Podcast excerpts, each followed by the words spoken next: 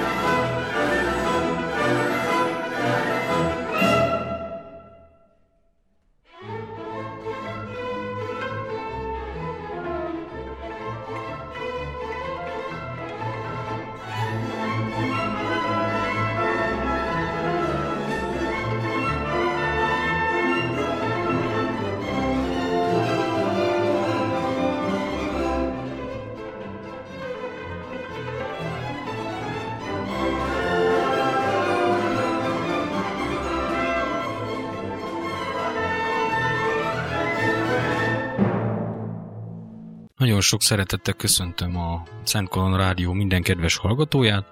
Ez itt a Harak útján című hat történeti műsorunk 11. adása. Én pedig Szálvai vagyok, a műsorvezető. Mai témánk a katonai repülés, azon belül is a katonai repülésnek egy olyan korszaka, amikor még nem voltak repülőgépek. Na most ilyenkor fölteszi magának az ember a kérdést, hogy hát akkor hogy repültek? Mielőtt folytatnám, annyit meg kell még jegyezzek, hogy méltatlanul a katonai repülést nagyon sok szakértő is a repülőgépek, valamint a motoros repülőgépek föltalálásától számítja, azonban ez korán sincs így. Maga a katonai repülés legalább kétszer olyan idős, mint maga az első repülőgép, amely 1904-ben a Wright fivérek segítségével magasba emelkedett. Ez pedig nem más, mint a hőlégballonos vagy ballonos katonai repülés. Most ha elképzelünk egy ballont, akkor látjuk, hogy ez egy ilyen nagy lufi, aminek az alján lóg egy kosár, abba ül egy emberke, és az út van. Ez nagyon szép, meg minden. Hogy hogy lehet ezt katonailag kiaknázni? Ez legalább olyan újítás volt annak idején, mint egy kis idővel később a páncélvonatok, mert hát a vonatot is be lehetett csuda jó dolgokra fogni. Ugyanígy ezt a hőlékbalont is befogták. Illetve, mert maga az a dolog, hogy az ember el tud rugaszkodni a földtől és a levegőbe tud emelkedni, ez már önmagában egy akkora szenzációnak számított abban az időben, egész pontosan a csodálatos felvilágosodás korszakának a végén. A levegőt is legelőször a levegőnél könnyebb eszközökkel próbálták, próbált az ember meghódítani. Ez onnan jött, hogy az izzó parázs fölött, ha tüzet rakunk valahol, ott a levegő remeg, illetve magasba száll. Ezek mind-mind azt sugalják, hogy az ég felé törni nem lehetetlen. De mégis hogyan kivitelezhető ez? Az ötlet váratlanul jött, de az emberiség óriási lépést tett meg vele. Ez pedig nem másnak, mint két francia testvérnek köszönhető, a Joseph Michel Jacques Etienne Montgolfier-nek, akik egy papírgyár tulajdonos fiai voltak, és ők készítették el az első olyan ballonokat, amivel ezt a felszállást tulajdonképpen meg is tudták valósítani.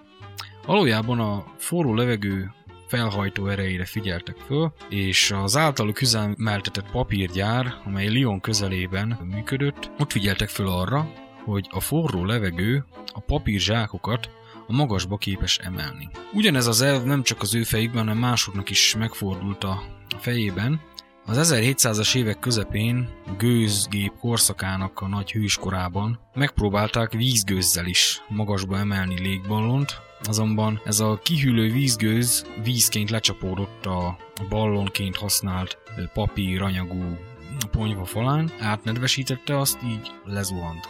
Később próbálták a füstöt is felhasználni, de mivel az is hamar lehűlt, így kénytelen volt leszállni az a bizonyos kísérleti jel. A francia mongolfi fivérek abból indultak ki, a meleg levegő könnyebb a hidegnél, és a felhevített levegővel töltött ballonnak fel kell tudni emelkednie. A szülővárosukban, Anonéban 1783. június 5-én a nagy nyilvánosság előtt bemutatták első léggömbjüket, amely 300 méter magasra emelkedett föl, 10 percen át lebegett, és több mint két kilométer messzire vitte el a szél, majd miután kihűlt a belepumpált levegő, a szerkezet földet ért. A lelkesedés egyszerűen határtalan volt. Ennek nyomán megbízta őket a Párizsi Akadémia a kísérleteik folytatásával, Anoné városban pedig a mai napig emlékmű őrzi ennek a felszállásnak a helyét. Később a Párizsban épített léggömbjükkel még ez év, szeptember 19-én egy kost, egy kakast és egy recét eresztettek föl. Az utazást az állatok egészségben átvészelték, így bizonyossá vált, hogy a felső légréteg sem veszélyes az emberre. Mondjuk ezt nem igazán értem, hogy miből gondolták azt, hogy veszélyes lenne, amikor a madarak mondjuk 6-700 méter magason is vígan elrepülnek. Na mindegy. Az ő nevükhöz fűződik még egyébként az ejtőernyő feltalálása is. Ugyanis a mongolfi fivérek által készített 16 négyzetméter felületű, ilyen kupolaszerű ponyva volt az első ejtőernyő, amivel sikeresen le tudtak ugrani. Például Louis Sebastien Lemonand 1783-ban tervezett ejtőernyő 4,5 méteres átmérőjű volt. Kupola magassága 2 méter, felülete pedig durván 16 négyzetméter volt. Most összehasonlításképpen ez a ma használt ejtőernyő felülete 75-80 négyzetméter körül van. Ennek ellenére a szerkezet működött, és a mai napig is onnan mellett az elnevezés az ejtőernyőnek, meg az ejtőernyős sportnak, hogy parasút. Sajnos ez a Lemonand egy másik ugrásnál annyira megsérült, hogy néhány nap múlva meghalt, de az általa úttörőnek mondott ejtőernyős ugrások bekerültek a történelem könyvlap. Az ejtőernyőnek egyébként a hőlékbalonos hadviselésben is lesz még szerepe következő század folyamán, de mindent a maga idejében. Visszatérve ballonokhoz, 1783. novemberében aztán fölemelkedett az első olyan Montgolfier által épített hőlékbalon, amely embert is vitte a kosarában. Ez a repülés 20 percig tartott, Két évvel később a francia Jean-Pierre Blachand és amerikai társa Jeff Jeffries átrepült a Lamans csatornán egy hőlékbalonnal. Ugyanebben az évben a mongolfi fivérek által együtt dolgozó Pilát Ledder Rosier orvos is megkísérte csatorna átrepülését egy olyan kísérleti léggömbbel, amelynek az egyik fele hőléggömb, vagyis meleg levegővel töltött ballon, a másik fele pedig hidrogén gázzal töltött, pontosabban hidrogén és levegő keverékkel töltött luftballon volt.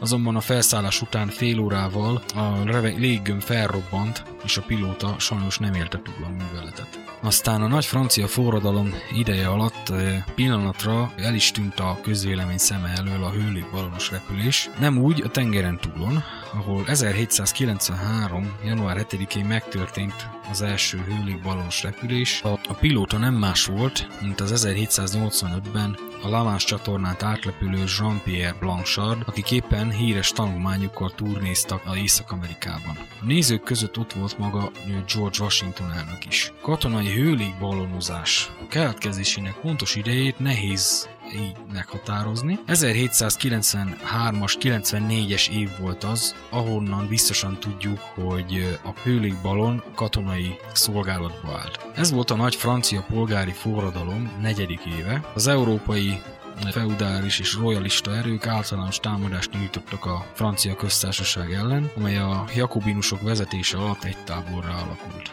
A konvent népképviselője, a Dijoni Akadémián működő kémikus Guiton de Morvaux benyújtott a Jóléti Bizottsághoz egy írást, amelyben azt javasolta, hogy a köztársaság használja az ellen, emberi szellem vívmányait az arisztokrata ellenség ellen vívott harcában, egy vívmányokról az első legénységgel ellátott ballonfelszállás óta egész Párizs beszélt. Morvó ajánlott úgynevezett pilóta ballonok bevetését, amelyek megfigyelői az ellenség mozgását tudják nyomon követni. 1793. október 25-én aztán elrendelte a Jóléti Bizottság az első katonai ballon létrehozását. Összesen négy ballont szállítottak a hadseregnek. Ezek nevei Celeste, Entreprenant, Intrepidé és Telemac volt. Movo azon dolgozott, hogy a ballon megfigyelők számára megadja a jelzőrendszerre vonatkozó első utasításokat, amelyeket aztán évtizedeken át más európai hadseregek részére is ö, átadtak. A ballonokból a megfigyeléseket ugyanis fényjelekkel és színes zászlókkal végezték. Valamint ha a ballon alacsonyabban szállt, akkor is lekiáltottak. Akkoriban csak egy bizonyos 3-400 méteres magasságig lehetett használni az előbb említett zászlójelzéshez hasonló módszert. Itt a különböző színek égtájakat jelentettek, a távolságot a ballon kikötési pontjához, mint egy koordinátorrendszer, valamint a seregtestek típusát, méretét, tüzérségi állásait is további zászlók jelentett. Ezt viszont csak nappal lehetett használni, és csak jó látási viszonyok között. Éjjel a zászlókat tűz, illetve olajlámpa fényjelzés váltotta föl, azonban ezzel csak korlátozott tartalmú információt lehetett közölni, mondjuk riadót, és a balonokat általában éjszaka visszahúzták a földre. Később alkalmaztak postagalambokat is, melyek az információt egyenesen a főparancsnokságra vitték. 1794. április 2-án jött létre az első léghajós század 26 fős legénységével, Aerostatiers névvel. A század parancsnoka tapasztalt fizikus Jean-Marie Joseph Coutel kapitány lett, aki a híres kémikussal Antoine Laurent Lavoisiervel, akit fizika óráról is ismerhetünk, egy egyszerű beljárást fejlesztett ki, a ballonok hidrogénnel való feltöltésére, ugyanis az általános eljárás akkoriban az volt, hogy kénsavval, pontosabban kénessavval csepegtettek a sporgácsra. És az így keletkező hidrogéngázt fölfogták. Ezt azonban egy speciálisan falazott kájhákban lehetett csak végrehajtani. A Franciaország akkoriban Kénben eléggé szegény országnak számított, és ez a Lavoisier egy olyan újítást hozott be, hogy a vas forgácsokat fölhevítették, körülbelül olyan 1600-1700 fokra, majd ezekre az izzó vasforgácsokra vizet csepegtettek. Hát, mint tudjuk kémiából, a víz egy olyan 1600 fok fölött ez nyomástól függ elsősorban, diszociál, vagyis hidrogénre és oxigénre oszlik szét. Az így nyert hidrogéngázt aztán elvezették és a ballont ebben töltötték föl. Az első katonai jellegű ballon aztán 1794. június másodikán a Maubózs erőd helyőrsége előtt szállt föl, ez pedig az Entreprenant volt, fedélzetén pedig az előbb említett Kotöl kapitány teljesített szolgálatot, Felszállás késő délután történt, 18 óra 30-kor a kötélhálós ballon 120 méterre emelkedett meg, egy fél órával később pedig 330 méter fölé. Felszállás után Kotöl belátta, hogy ennél jobb és ügyesebb felderítési eszközt még soha nem használt az emberiség. Az osztrákok teljesen meg voltak löpve. Egy Báró Schröder osztrák tábornagynak a következő napon itt jelentésében következő eseményt olvashatjuk. Tegnap este 6 és 7 óra között az ellenséges oldalról két ágyúlövés történt, amely véleményem szerint két jelzőlövés volt. Ezt követően a Móbózsi erődből egy ballon emelkedett a magasba, alján egy kosárra. Eleinte azt hittem egy játéksárkány, de minden jelentés szerint ez egy igazi léggömb volt, melynek kosarában két ember alakja volt kivehető, akik különböző színű zászlókat használtak. 1794. június 21-ig a francia Aerostatiers, vagyis léghajózó alakulat összesen 13 felszállást végzett, amikor is június 13-án először az osztrák tüzérség tűz alá is vette egyik ballonjukat. Ez volt a világtörténelem első légelhárító ágyú tüze, azonban találatot nem ért el. A szárazföldi mozgó csapatoknál a ballon alkalmazása eléggé nehézkes volt, ugyanis a 380 köbméter űrtartalmú ballontest megtöltése nagyon-nagyon nagy előkészületeket igényelt. Egyedül a gázkájhák, illetve a hidrogén előállító kájhák megépítése 8 napba telt, és a ballon megtöltése még két további napba. Ezért méregelték, hogy a ballon átmérőjét lecsökkentik, és csak egy megfigyelővel látják el. Továbbá kisebb, 150-200 köbméteres töltő térfogatú ballonokat építenek, amelyeket arra szántak, hogy 7-8 ezer löp, löplapot indítanak el, és az ellenség hátországában a propaganda tevékenység címén szétszórják azokat. 1794. június 23-án, vagyis két nappal később, a második léghajószázad felállítását is elrendelték a forradalmi hadsereg számára, és Párizs közelében ugyanabban az évben még egy léghajózó iskolát is alapítottak. Június 26-án a Fleurói csatában vetették be először harcban a kötött léggömböt, mint felderítő eszközt. És ekkor tudták meg először az ellenséges állásokat levegőből felkutatni, és a francia ütegek tüzét, vagy tűzvezetést a levegőből irányítani. Így sokan vélték úgy Franciaországban, hogy a nap sikere néhány röv gumírozott anyagnak volt köszönhető, ezen ballonok anyaga gumírozott ponyvavászon volt. A kötött léggömb fluorói bevetését a kisolgálók személyzet fáradtságot nem ismerő munkája tette lehetővé. Az Entrepont, vagyis a négy első ballon közül az egyik, teljesített itt szolgálatot, amit Fleuró városában töltöttek föl, és már lebegő állapotban a városon keresztül legalább 4-5 óráig tartó úton a harcmezőig szállították. Azonban a léggömb ilyetén használatának nehézségei már a későbbi csatákban megmutatkoztak. Ugyanilyen nehézségekkel kellett a léghajósoknak megküzdeni a Mainzi, a Würzburgi, Augsburgi, Donauwörthi és a Stuttgarti csatában is, valamint Bonaparte Napóleon is, aki lelkes híve volt ennek az új eszköznek, hadseregében tovább foglalkoztatta az alakulatot észak-itáliai hadjáratában, majd az egyiptomi expedícióra is elvitte ballonjait 1798-ban. E, az angolok elsüllyesztették azon hajókat, amelyek a léggömb alkatrészeit és személyzetét szállították. A felderítő léggömb Napóleon harceljárásának következtében egyre többet veszítette a jelentőségéből. A hosszadalmas pozícióharcok és stabil erődítmények, ostromok helyett ugyanis a gyors manőverekre helyezte a hangsúlyt. Technikai problémák mégis mindenek előtt a ballonzsák töltésével voltak, amelyek következményeként a légballonok általában túl későn jelentek meg a bevetési helyen, hogy érdemi információt tudjanak szolgálni, valamint a ballonok mozgatása óriási hely és időigényes műveletnek bizonyult.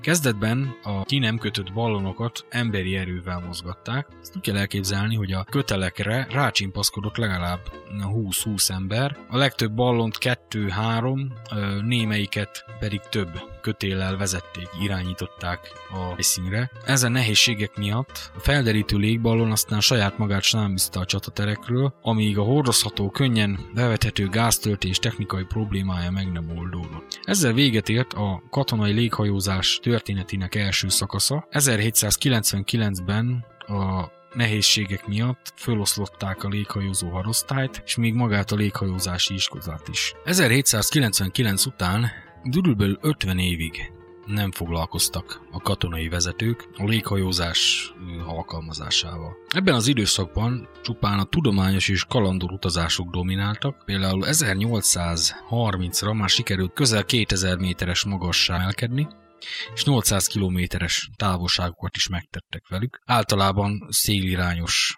területekre. Egyszer kértem, szél lettem, a nagy világot értem, másszor kértem,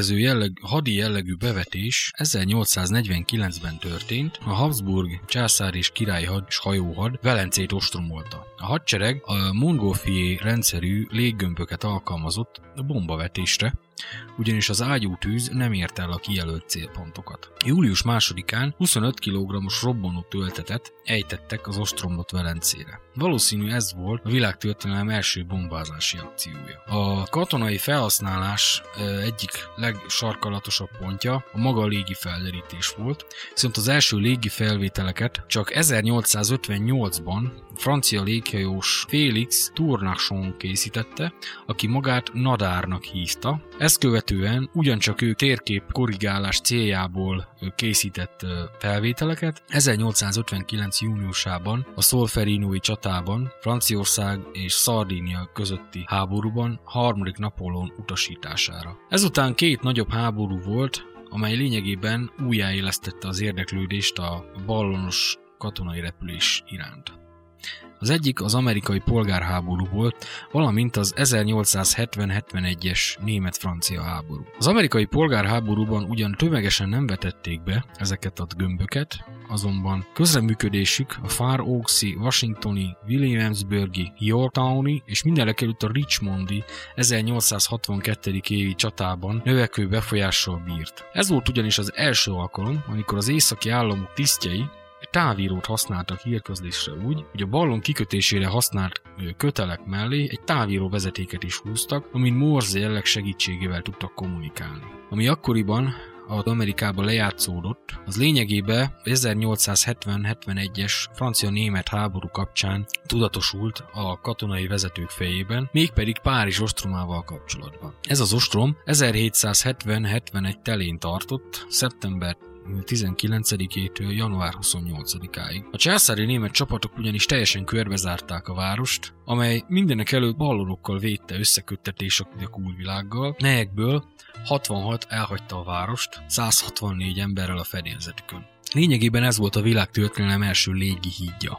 Ezt a légihidat egy Gaston Tissander nevű tiszt szervezte. Léggömbjein két és fél millió levelet, kalitkákban 381 postagalambot használt a hírek továbbításához. Ez a ballonposta az ostrom teljes ideje alatt működött. Ezen a légihídon csempészték ki aztán Léon Jean Bettát is, aki később a francia köztársaság miniszterelnöke is lett, és aki az ellenállást szervezte. Emellett a mozgó ballonok mellett még tucatnyi kötélel kipányvázott ballon lemegett a város fölött, melyről az ostromló német hadsereget figyelték, és amiről a Párizs a szabadulását remélte. Léggömbök összeszerelésére, feltöltésére pedig az egyik pályaudvar csarnokát rendezték be. A porosz hadsereg ezzel szemben két darab Angliából vásárolt léggömbjével vonult be a háborúba, azonban sem kiképzett személyzet, sem kipróbált technika nem volt az alakulat működtetésére, így a szakasz már 1870. októberében feloszlatásra került. Párizs kapcsán megemlíthetjük még az első sikeres légvédelmi találatot is, ami a város fölött levegő tuszannyi léggömbből került ki. Ezek közül két-három darabot lelőttek, illetve leszállásra kényszerítettek, az úgynevezett ballongesüt, vagyis ballonlövő puskák segítségével. Ezek a Krupp által gyártott 25 mm-es űrméretű, 2,5-3 méter csőhosszú puskák voltak, amikkel a vadászatban használatos, sörétes töltényekhez hasonló lövedékeket lőttek ki. Ezeket a puskákat ilyen szekérplatókra szerelték, és két lóval húzták, így viszonylag mozgékonyak voltak. Ezen légvédelmi fegyverekre ugyanis ö, azért volt szükség, mert a korabeli tábori tüzérség nem tudta kezelni egyrészt a háromdimenziós tűzvezetés problémáját, valamint a lövegek többsége két 300 méteres magasságot tudott csak lövedékével elérni, ami a ballonok repülési magasságának alsó határa volt. Hasonló ballonlövő puskákat később rendszeresítettek az angolok és a franciák is, 13 és 15 mm-es mérettel. A géppuskák megjelenésével aztán ezek a sörétes elvű puskák is háttérbe szorultak, a figyelem a nagyobb kaliberű légvédelmi géppuskákra és gépágyúkra terelődött át. Ezen kívül a századfordulóra elkészült az első légvédelmi ágyú is, a 75 mm-es francia 1897-es modell. A repülőgépek és a jéghajók megjelenésével aztán még égetővé vált a légvédelem kérdése, így az első világháború kitörésekor már valamennyi ország rendelkezett külön légelhárító tüzérséggel.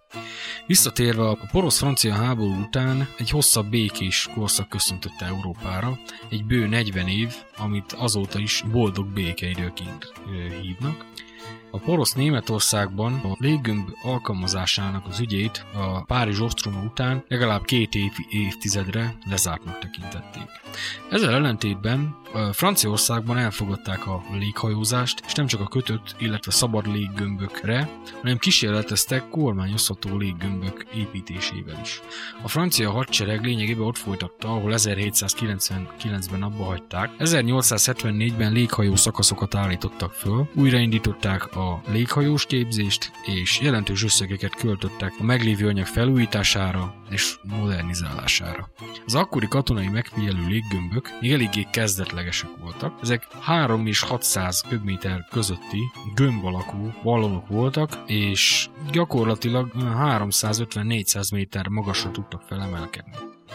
Felbocsátásukat eleinte kézi, majd az 1880-as évektől gőzhajtású csévélő szerkezettel végezték. Ez eleinte fogatolt szekereken, később benzinüzemű tehergépkocsikon foglalt helyet. A hidrogéngázt is a helyszínen fejlesztették, később pedig áttértek a 200 atmoszféra nyomással palackba sűrített változathoz. Ez sokkal könnyebb volt szállítani. Ezek olyan palackok voltak, mint amilyeneket ma hegesztésre használnak. A léggömbök töltéséhez később mozgatható hidrogén fejlesztő rendszert is készítettek, amely visszatért az acélforgácsra csepegtetett két sav technológiájához. Franciaországban először is a legfontosabb erődítményeket látták el léggömbös osztagokkal. Ezután Brest és Toulon hadikikötője is léggömböket kapott, 1890-től pedig a hadtestek és a várak is. Négy évvel később az angol hadsereg 1878-ban egy próba ballon szakaszt is fölállított francia mintára. Ezeket a szakaszokat elsősorban a gyarmati háborúban használták. Franciaország ballonjait 1884-ben Indokínában, 1900-ban Kínában a boxer lázadás leverésénél, valamint 1907-ben Marokkóban, az angol ballonokat pedig 1885-ben Szudánban, Dél-Afrikában, sőt, brit, francia és német gyarmatokon is használták őket. A szudáni kampányban bevetett három darab ballon, amely Templar őrnagy parancsnoksága alatt állt, egyfajta pszichológiai nyomás is kifejtett a lázadozó törzsfőnökkökkel szemben, jelezvén a brit birodalom nagyságát. Az 1880-as években aztán az összegyűjtött francia és angol tapasztalatok felhasználásával, aztán a német és orosz hadsereg következett a léghajóflották felállításával.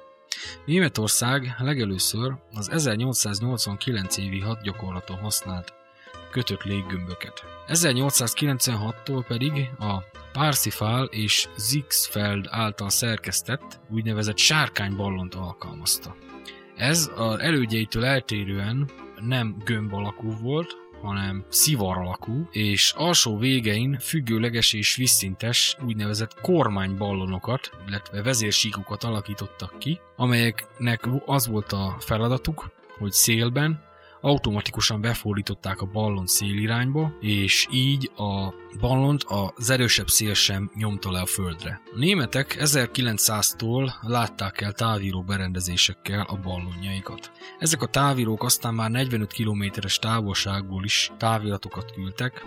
A rádió kísérleteket először Zixfeld százados, majd 1902-től Csudi százados vezette. 1903-ban Németország is ellátta várait és erődítményeit francia mintára légbalonokkal, ezek közül már valamennyi sárkányballon volt, tehát az előbb említett szivar, illetve hurkaszerű ballon. Oroszország, illetve az orosz birodalom 1887-ben léggömbös iskolát állított föl, és 1894 és 1904 között ellátta erődjeit és várait is léggömbökkel. Az orosz hadsereg élesben az 1904-es orosz-japán háború kezdetén vásárolt sárkánybalonokkal operált. Három kelet-szibériai léggömbös zászlóajat, két léggömbös várszázadot állíthatott föl Port Arthurban és vagy Vladivostokban. Olaszország hasonlóan a többi európai nagyhatalomhoz francia aztán brit, majd német ballonokkal szerelte föl hadseregét. 1892-ben is pedig az USA-ban is fölállították az első már reguláris léghajós századot, melyet 1896-ban Spanyolország is követett. Most itt áttérünk nem sokára a ballonok első világháború szereplésére, ugyanis azt tudni az ember, hogy a motoros repülőgépek föltalálásával visszaszorulnak, ám ez nem így történt. 1914. augusztusában az európai nagyhatalmak mindegy száz darab kötött ballonnal léptek be a háborúba, Cári Oroszország 46, Németország 20, az osztrák-magyar monarchia 12, Franciaország 10 balonnal. Számuk lényegesen kevesebb volt, mint a repülőgépeké, felderítési eredményeik pedig megfelelőek voltak a kor követelményeinek. A korábban említett problémák a háború elején, vagyis 1914 őszén ismét előjöttek, ugyanis a nehézkesen mozgó ballonok nem tudtak a gyorsan menetelő csapatokkal tartani a tempót. A 20. század elején épített léggömböknek viszont már jóval rövidebb volt a feltöltési ideje, térfogatuktól függően 5 és 20 óra közötti időtartammal fel lehetett őket tölteni. A ballonok töltése minden időben, amíg a hidrogéngázt használták, eléggé tűzveszélyes műszaknak számított nem egyszer előfordult, hogy már a töltéskor fölrobbant a ballon, és a különböző balesetek során is legalább annyian meghaltak, mint ahányan a tényleges harci cselekményekben, esetleg légitámadás vagy légvédelmi tűz következtében veszítették életüket. A repülőgépek harctéri tartózkodása a nehéz tüzérség miatt igen korlátozott volt, ezért az álló háború tüzérségi háborúvá vált, és így a felderítő léggömböknek ismét felértékelődött a szerepe. Ebben az időben ezek voltak az egyetlen eszközök, amelyekkel órákon keresztül lehetett a harcteret figyelni. A felső vezetés felderítő eszközéből a kötött sárkány léggömb immár a tüzérség kiegészítője lett, amely rá is volt szorulva. A ballon ezirányú alkalmazásának úttörője hasonlóképpen a korábbi úttörő munkáihoz Franciaország volt. A vele szövetséges angol hadsereg csak 1915. május 4-én volt meggyőzhető a ballon, mint tüzérségi kiegészítő eszköz felhasználásáról. Franciaország emellett 1915 óta egy új felderítő ballon típus előnyeire is támaszkodott, amelyet a francia hadsereg Albert Cacó nevű századosa fejlesztett ki. Ezek hasonlóképpen a német Parsifal típusokhoz, egymástól 120 fokos szögben elhelyezett úgynevezett kormányzsákok, illetve vezérsíkok segítségével ez a léggömb már nem csak magasabbra tudott szállni, hanem nagyobb stabilitással is rendelkezett, közepes szélsebességnél. A szommi csatában aztán 1916 nyarán kiterjedten alkalmazták ezeket a típusokat. A kakó ballon később műszakilag felül is múlta a német típusokat, merről a németek igyekeztek gyors következtetés levonni. Jelentős mennyiségű pénzt bocsájtottak meglévő ballonparkjuk modernizálására. Nem csak az új 120 cm-es gyújtótávolságú fényképezőgépet rendszeresítettek hozzájuk, hanem a hangos beszélőket fedélzeti mikrofonra cserélték, valamint az öreg 600 köbméteres parszifál sárkányokat kiselejtezték. Ezekkel a precíz tűzvezetés alig volt kivitelezhető, mivel nem tudtak elég magasra repülni, így fel akkora területet láttak csak be. Egy legénység pedig gyakran leszerelte a súlyos kosarat, és helyette lovassági nyerget szerelt föl, amelyen lényegi voltak, merevített bőrnadrágban, mint egy denevér lógtak a ballon alatt. Az öreg párszifálok helyett 800 ezer köbméteres töltő térfogatú ballonok kerültek forgalomba, melyek már 1200 méteres magasságig is fel tudtak menni, azonban a francia kakó ballonokhoz képest mégis alul maradtak, ezért a háború második felében a hadvezetés egyszerűen elrendelte a zsákmányolt francia kakó ballonok utángyártását, amely német hadseregben az AE ballon nevet kap. Ez 850 köbméteres gázt tartalmazott, és 1500 méter magasra tudott felemelkedni, és közepes szélnél is biztonságosan lebegett. Az átvett tüzérségi feladatok mellett megfigyelést is végeztek, amelyeket megosztottak a repülőgép alakulatokkal.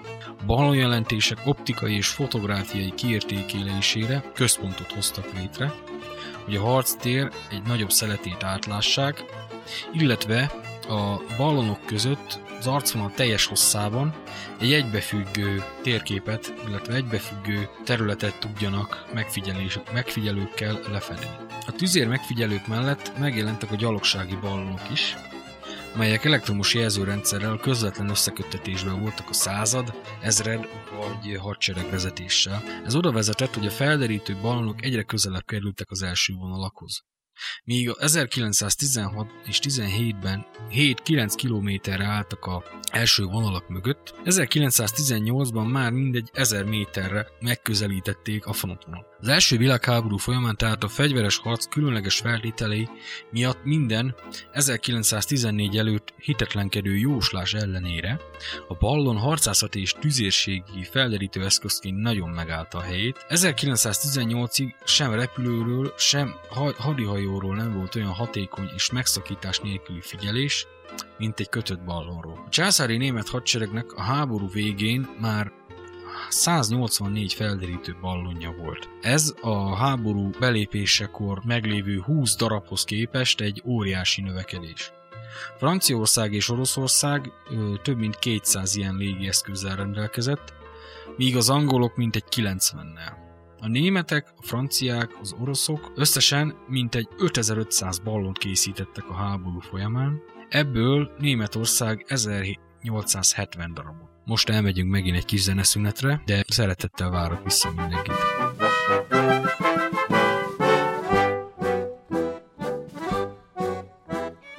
Rózsa, rózsa, bazsa, rózsa,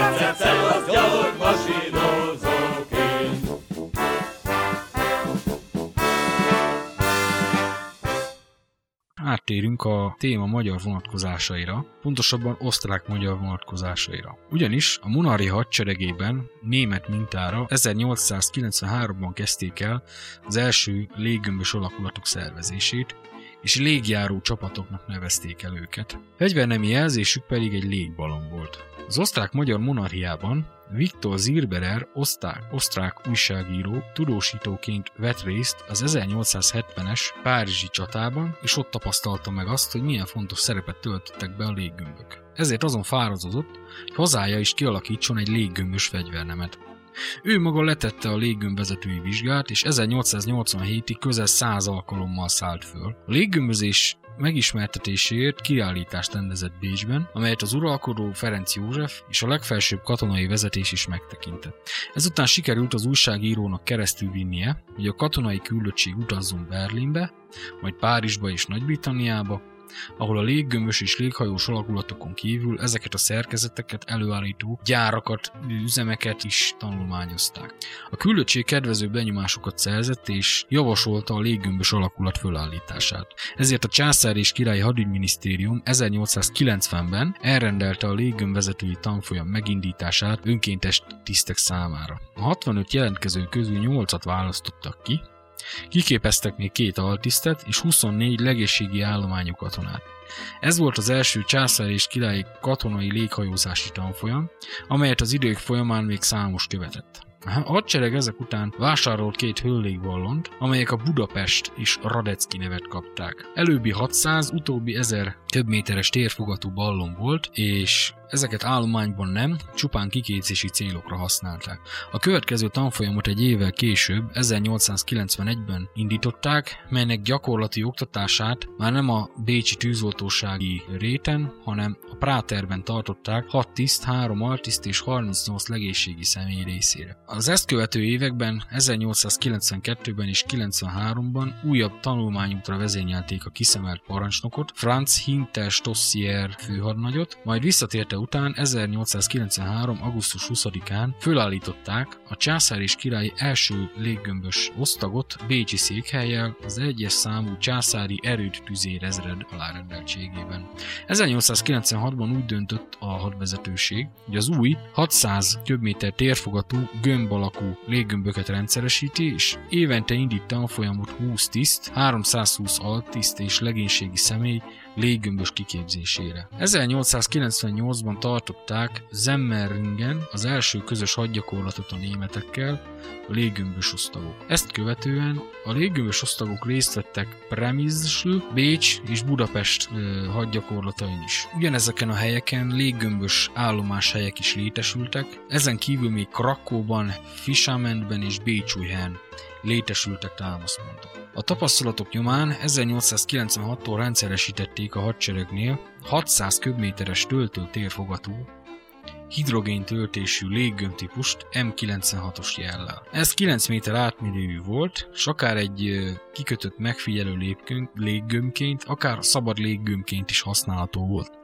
A németek akkor rendszeresített Parsifal és Zixfeld tervei alapján épített 600 köbméteres hosszúkás léggömböt is rendszeresítették a monarchia csapatainál M98-as jellel. Ezek az úgynevezett kurkaballonok erős szépben is képesek voltak egy helyben maradni, ugyanis mindig szélirányban álltak, és így a tüzérségi megfigyelő tudott rajtuk dolgozni. Egy megfigyelő léggömbös csoport egyébként 63 emberből, 12 lovaskocsiból, és a hozzájuk tartozó 28 lóból állt, így a korszak követelményéhez képest viszonylag mozgékonynak számított. Az osztrák léggömböket a Hamburg-Bécs gumijárugyár Fispassingban és az osztrák-amerikai gumiművek Semperit Bécsben készítették a gömb, hurka és záró léggömbök csoportjait egyaránt. A drótköteleket Gülom dróthuzalgyár szállította a tartó kötélzethez. A ballonkosorokat pedig Prágában gyártották a Rudinkel kosárárugyárban. A katonai léggömbös csoportok néhány szabadon épp repülő futárballont is állományban tartottak. A 600 ködméteres kategóriában négy darabot, a Visz Passing, Uhu, Donau és Budapest nevűeket, a 750 köbméteresből a Krakó és az 1000 köbméteresből Sirius, Ragusa, Mars, Mars és Salvator nevűeket, valamint két darab 1300 köbméteres Hungária és Wien elnevezésűt. Ezek a léggömbök kedvező szél esetén személyeket vagy akár tábori postát is tudtak szállítani, viszont természetesen csak szélirányba eső helységekbe. Az első világháború kitörésekor első Ferenc József elrendelte az általános mozgósítást. Ezen a napon, vagyis július 31-én 1914-ben 12 tábori léggömbös osztag állt készen a hadműveletekre, osztagonként egy sárkány és néhány gömb alakú léggömbbel. Mindezek rendelkezésre állt 28 léghajóvezető és 106 léggömbvezető. Ezeket az osztagokat közvetlenül a hadügyminisztérium alá helyezték, és kizárólag az uralkodó alá rendelt főszemlélő irányította őket. Az osztagok kezdetben kizárólag megerősített helyek védelmében láttak el megfigyelési feladatokat. Négy osztag Krakóban, három osztag Premisben, két osztag Pólában, egy osztag Kattaróban, egy osztag pedig Klenákban teljesített szolgálat. A 12. osztagot egy ideig Bécsben tartották, de 1914. októberében azt is kiküldték a frontra, Jarak állomás helyjel. Az arcvonalra irányított osztagok új léggömböket és osztagonként egy-egy hosszúkás, sárkány alakú ballont kaptak. 1915 őszig további négy új léggömbös osztagot állítottak föl és vezényeltek a frontra. Ezek a 13-as, 14-es, 15-ös és 16-os számot kapták. A léggömbös osztagok az arcvonalak megmerevedése után váltak fontossá. 1905-től bevezetett új léggömbök német Parsifal és Zixfeld kötött típushoz tartoztak. 1917-től ezt tovább tökéletesítették a franciáktól zsákmányolt kakó típus lemásolásával, amelyet aztán sorozatban gyártottak. Az 1914-ig lóval fogatolt feleresztő csigát gőz vagy motoros hajtógép váltotta föl. A kezdeti 24 lóerős csévélő motorokat 60 vagy 100 lóerős motorokra cserélték le, amelyek már valóban gyorsan húzták be a gömböt, így a benne megfigyelő tiszt élete így biztonságosabbá vált. A magasba bocsájtott gömböt az ellenséges repülőgép közeledésekor gyorsan bevontatták, így nem kellett hozzá olyan hosszú kifutópálya, mint a lovasított változathoz.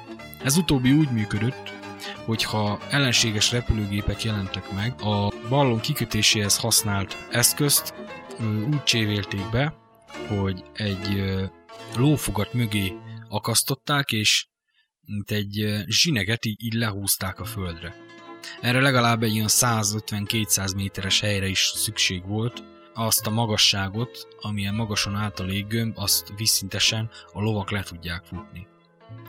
Miután a léggömbös megfigyelőkre egyre nagyobb volt a szükség, az osztagok számát újabb kilencszer gyarapították, ezen kívül a léggömbös megfigyelőket kiképezték ejtőernyős ugrásra is, mert nem lehetett mindig esetben gyorsan bevonni a léggömböt, különösen azután, hogy a repülőgépek teljesítménye szédítő iramban nőtt a háború vége felé. Ilyenkor a hírkanó ellenséges repülőgép megjelenésekor a megfigyelőnek bizony ugrania kellett.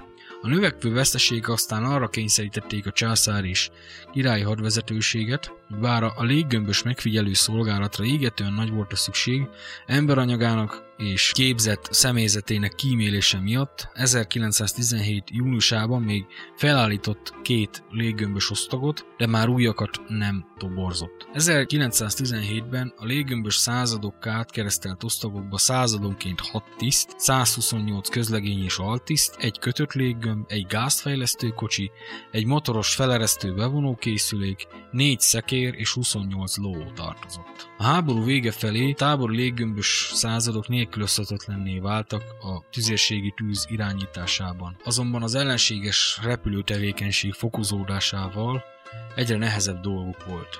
Megfelelő légvédelmi tüzérségi és vadászvédelem hiányában különösen az olasz fronton a háború utolsó évében már öngyilkosságnak számított egy-egy ilyen, egy-egy ilyen megfigyelési tevékenység folytatása. Ugyanis a hidrogéntöltésű léggömbök könnyen rángba kaptak a ellenséges repülő külön egy rendszeresített foszfor gyújtó lövedékeinek hatására, és a megfigyelő ilyen, ilyen esetekben is csak ejtőernyővel menthette az életét.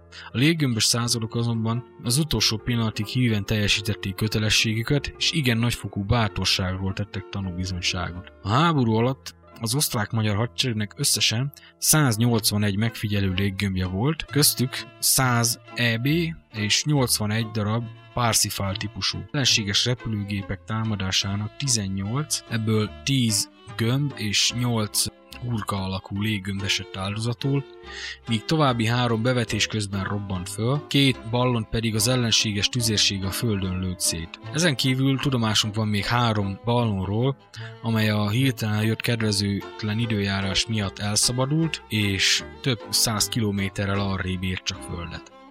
A léggömbös osztagokban hősi, hősi halált halt 50 tiszt és 18 fő legénységi állományú katona.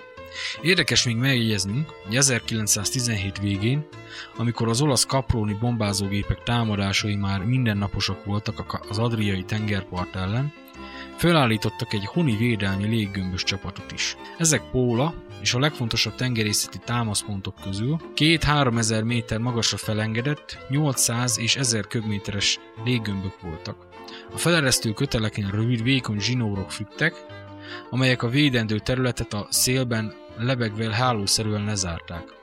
Valószínűleg ez lett a haditechnikában az első záró léggömbök alkalmazása. Ezek ellátására Pólában külön gázgyárat is létesítettek. A ballonok katonai célú felhasználása nem ért véget az első világháborúval, hiszen a 20-as 30-as években és a spanyol polgárháborúban is használták őket felderítésre. Azonban egyre inkább háttérbe szorultak. Elvétve még a második világháborúban is alkalmazták őket. Ilyen volt például a Nagy-Britannia kismagasságú léggömbzára, amivel ö, védekezni próbált az 1940-ben indult német légi ö, offenzíva ellen. Ugyanis az alacsonyan szálló gépeket a korabeli radarok nem észlelték.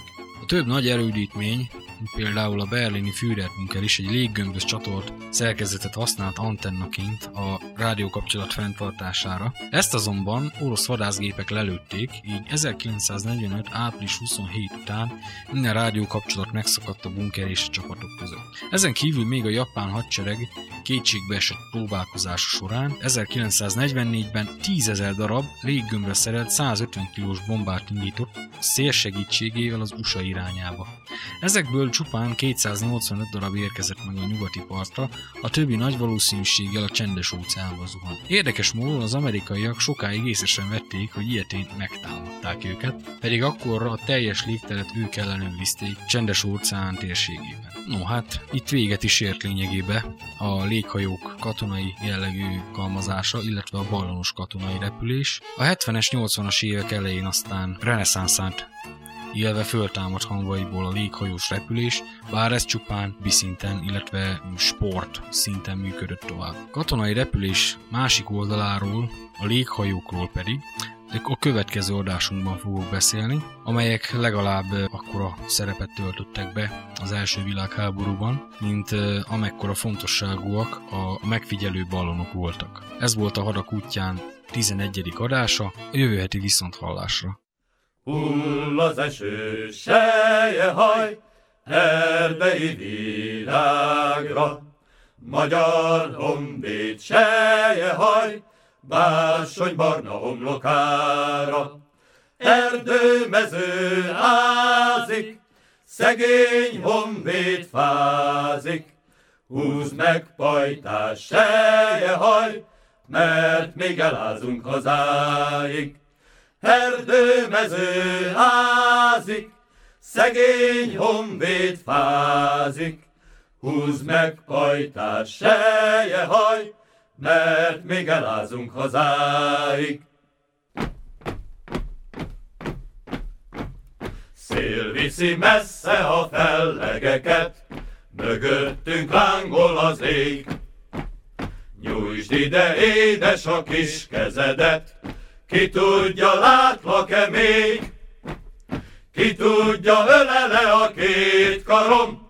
Ki tudja, csókol-e galambom? Ki tudja, mely napon, mely hajnalon? Indul az ezred tovább. Ki tudja, ölele a két karom? Ki tudja, csókol-e galambom? Ki tudja, mely napon, mely hajnalon? Indul az ezred tovább.